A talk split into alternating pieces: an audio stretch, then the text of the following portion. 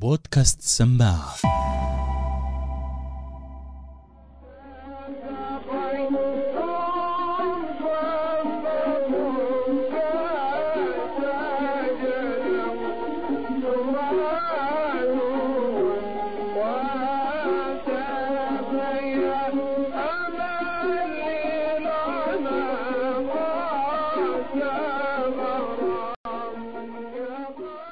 متأكد اللي سمعتوه ذكركم بأغنية فيروز زوروني كل سنة مرة.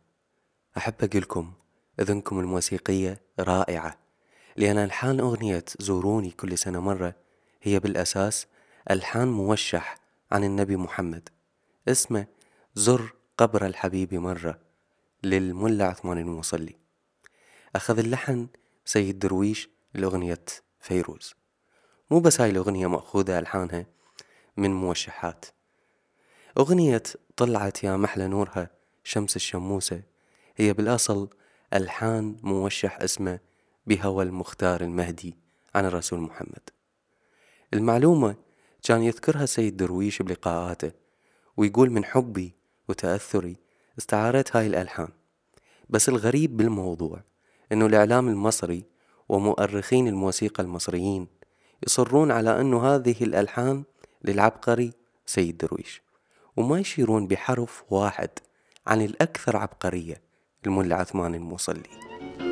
ما تجامو ما تجامو ما تجامو طني ما تجامو ما أما هذا اللحن فهو نفس لحن أغنية قدك المياس لصباح فخري. هو أصلا لأغنية أرمنية سمعها الملا عثمان الموصلي بقسطنطينية وكتب موشح عن الرسول على نفس اللحن ونقلها ملا عثمان لحلب ووصلتنا بصورتها النهائية اللي هي قدك المياس. هسه تفضلوا بسماع اللحن الأصلي للأغنية العراقية الشهيرة فوق النخل اللي هو أساسا لحن لموشح اسمه فوق العرش فوق.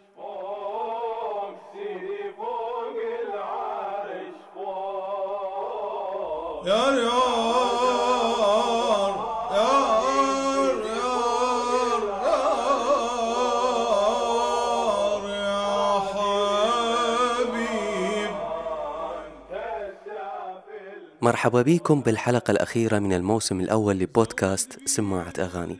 الحلقة بعنوان الملا عثمان الموصلي الأكثر عبقرية.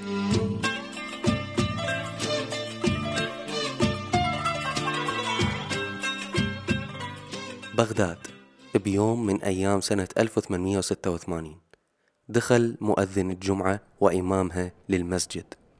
المصلين من أهالي بغداد انتظموا بصفوفهم وهم جالسين بانتظار خطبة الجمعة اللي يلقيها إمام وخطيب الجمعة. صعد الخطيب على منبر المسجد وتناول قضايا دينية واجتماعية بالخطبتين اللي تسبق الصلاة.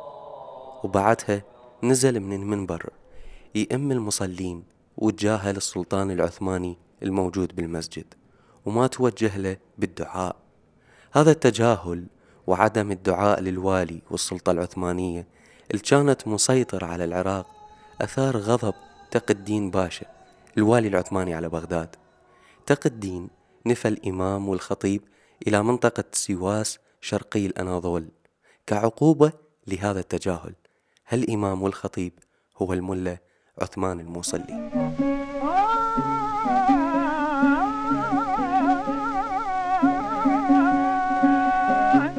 وسط مجموعة من الأطفال بدار الكتاتيب لتعليم وحفظ سور القرآن الكريم. بمحافظة الموصل تصدح حنجرة متميزة عن باقي أقرانها من الحاضرين داخل الحلقة الدراسية. حنجرة طفل يتيم. طفل توزعت على وجهه بقع الطفح الأحمر. مصاب بالعمى بسبب مرض الطاعون. المنتشر بذيك الفترة بمدينة الموصل شمال العراق. وراح ضحية هالمرض آلاف من الناس بمحافظة الموصل.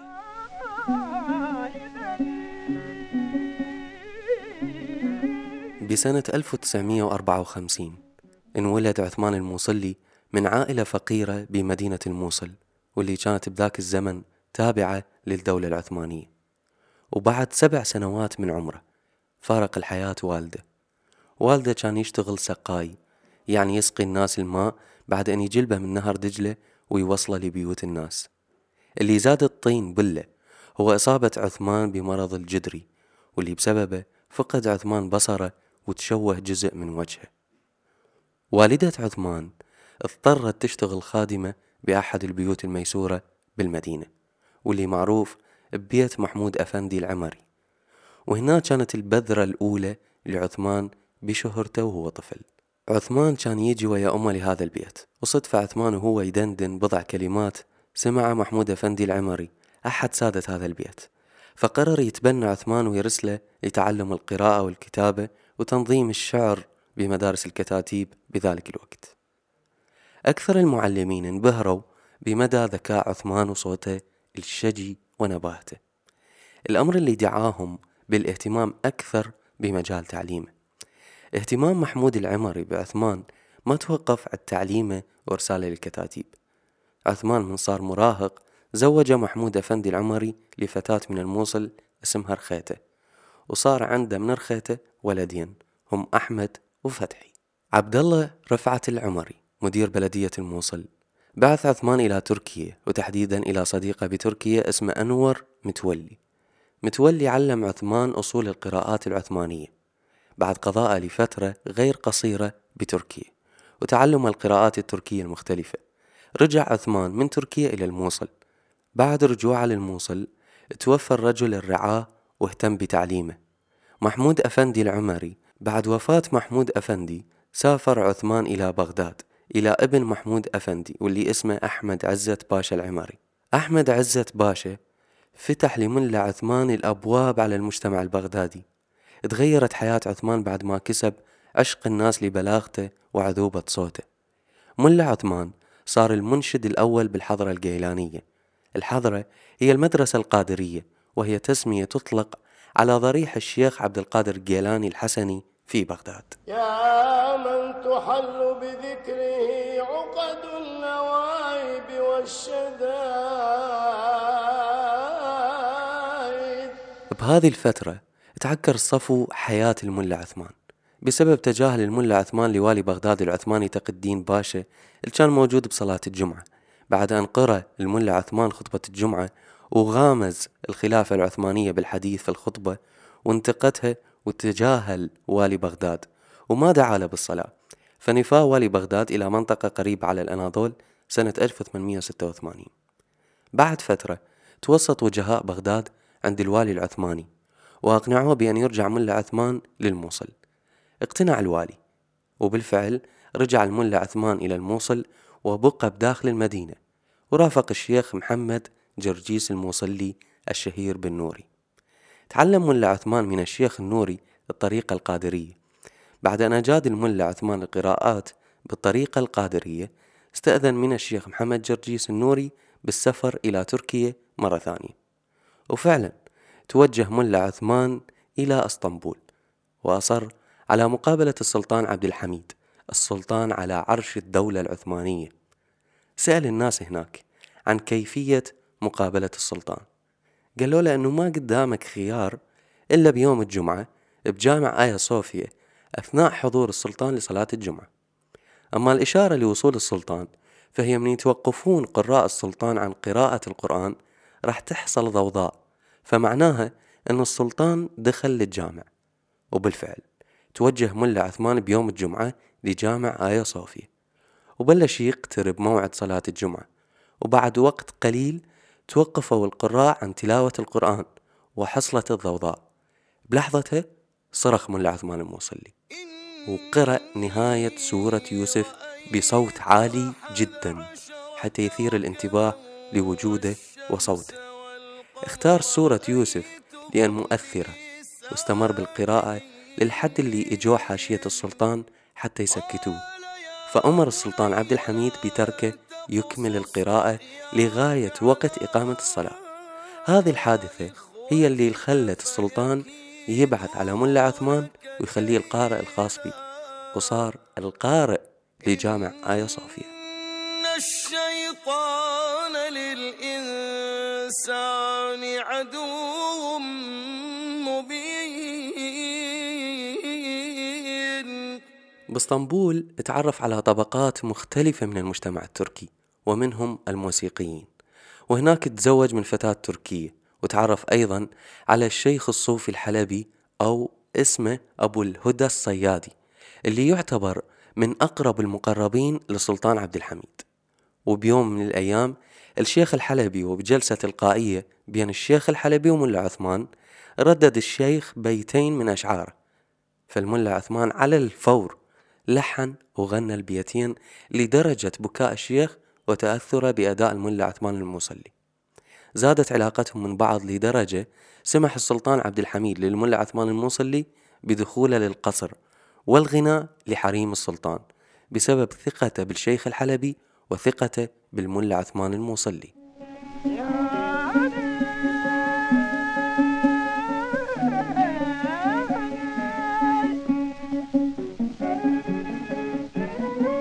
اتخذ السلطان عبد الحميد الملا عثمان الموصلي كمبعوث شخصي يمثل السلطان خارج تركيا. محمد مهدي السنوسي ملك ليبيا آنذاك. رفض طلب السلطان عبد الحميد بتزويد قوة عسكرية تساعد الدولة العثمانية بحربها المعروفة ضد روسيا. فأرسل السلطان عبد الحميد الملا عثمان إلى ليبيا لإقناع الملك السنوسي بتزويده بقوة عسكرية. وببلاغته وشخصيته ولسانه وقوة إقناعه استطاع الملا عثمان إقناع ملك ليبيا. وفعلا رجع الملا عثمان لتركيا ومعاه القوة العسكرية. ومن باب العرفان سأل السلطان عبد الحميد الملا عثمان عن أي حاجة يطلبها الملا من السلطان طبعا حتى ينفذها لأن نجح بإقناع الملك الليبي. فما طلب الملا عثمان من السلطان غير أنه يوافق على ذهابه لمصر. وافق السلطان وتوجه الملا لمصر. دخل مصر كقارئ للقرآن وتعرف على القراء هناك. شيخ قراء مصر يوسف العيدروس. انعجب بقراءة الملة للقرآن على الطريقة العراقية. التلمذ على يد الملا عثمان مجموعة من القراء المصريين أشهرهم القارئ محمد رفعت. انضم الملا عثمان إلى المولوية وهي فرقة إنشاد ديني تجيز الجمع بين التصوف والموسيقى وأخذ منهم ما أخذ وصار قطب من أقطاب المولوية وارتدى زيهم ونقل زيهم أيضا للعراق.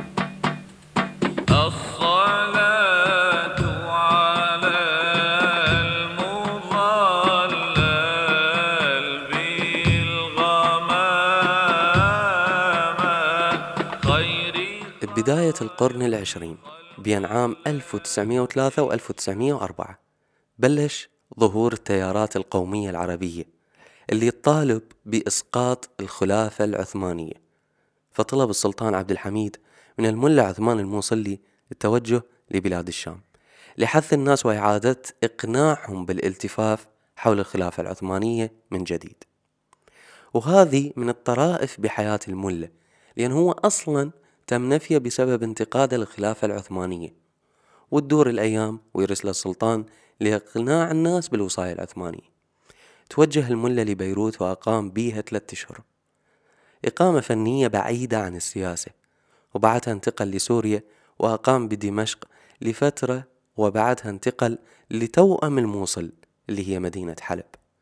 ترك بصمات الواضحة بحلب ومنها إيقونة التراث الحلبي هي قدك المياس وحتى الغناء الحلبي يسمى القدود الحلبية نسبة إلى أغنية قدك المياس اللي هي أصلا موشح كتبها الملا باستعارة ألحان أغنية رومية يغنيها اليونانيين لحد هذا اليوم.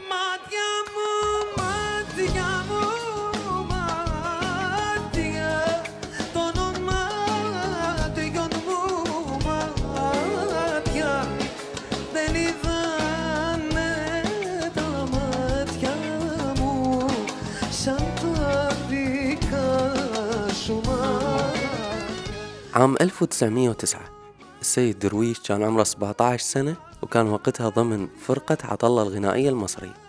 التقى بالملا عثمان الموصلي أثناء زيارة الفرقة لمدينة حلب. وبقى السيد درويش كتلميذ مع أستاذ الملا عثمان لمدة عشر أشهر. عام 1912 زارت فرقة عطلة مرة ثانية مدينة حلب. وبقى السيد درويش مع الملا عثمان قرابة سنتين أو أكثر بقليل. تعلم منه أصول الموشحات العثمانية والعربية والشامية. وكل المؤرخين يأكدون أنه الحجر الأساس بحياة سيد درويش هو احتكاكه وتعلمه من الملا عثمان الموصلي.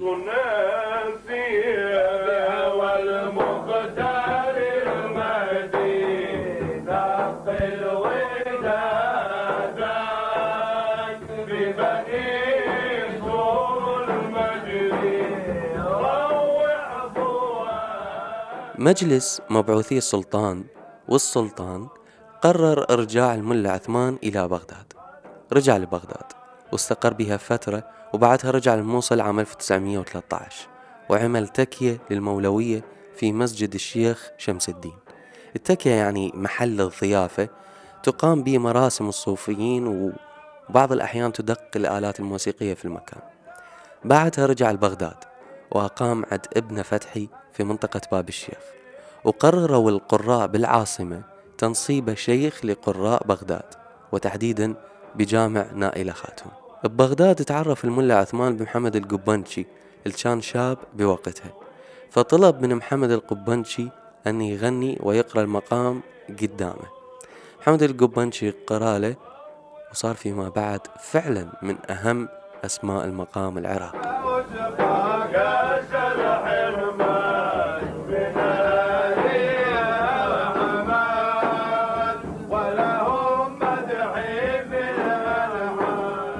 الثلاثاء المصادف 30 كانون الثاني 1923 أنزلوا الملا عثمان الموصلي للقبر بعد أن وافته المنية عن عمر يقارب 69 سنة واندفن بمقبرة الغزالية ببغداد. وصى بها قال أغيد من تنزلوني بالقبر تقروها علي. هكذا. نعم نعم. صحيح ملا؟ نعم نعم. فهذه التنزيلة أحبتي المشاهدين طبعا هي تنزيلة خالدة هذه آه، من نغم الشارقاء يا إلهي قد رجا. وأنت يا طبيب يا يا إلهي قد رجا. منك الهدى. انتهت حياة الملا عثمان الموصلي. بعد مسيرة حافلة بالإنجازات بشتى المجالات. كان أبرزها الموسيقى والألحان والمؤلفات والكتب وحتى تحرير المجلات.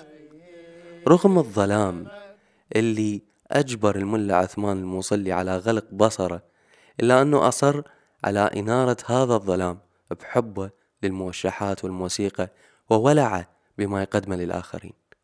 بعد 91 سنة من وفاته فجر تنظيم داعش الإرهابي تمثاله بوسط مدينة الموصل وتحديدا عام 2014 الواقعة أثارت الحزن بقلوب محبين الملة لكن بعد حقبة داعش وتحرير العراق وعيد إنشاء نصب للملة على يد أساتذة وطلاب معهد الفنون الجميلة بالموصل. وتم نصب التمثال من جديد بوسط المدينة. الملة أعاد رونق المدينة المنكوبة اللي حطمها داعش الإرهابي سنة 2014 الملا أعاد الرونق سواء كان في حياته وحتى بعد ما مات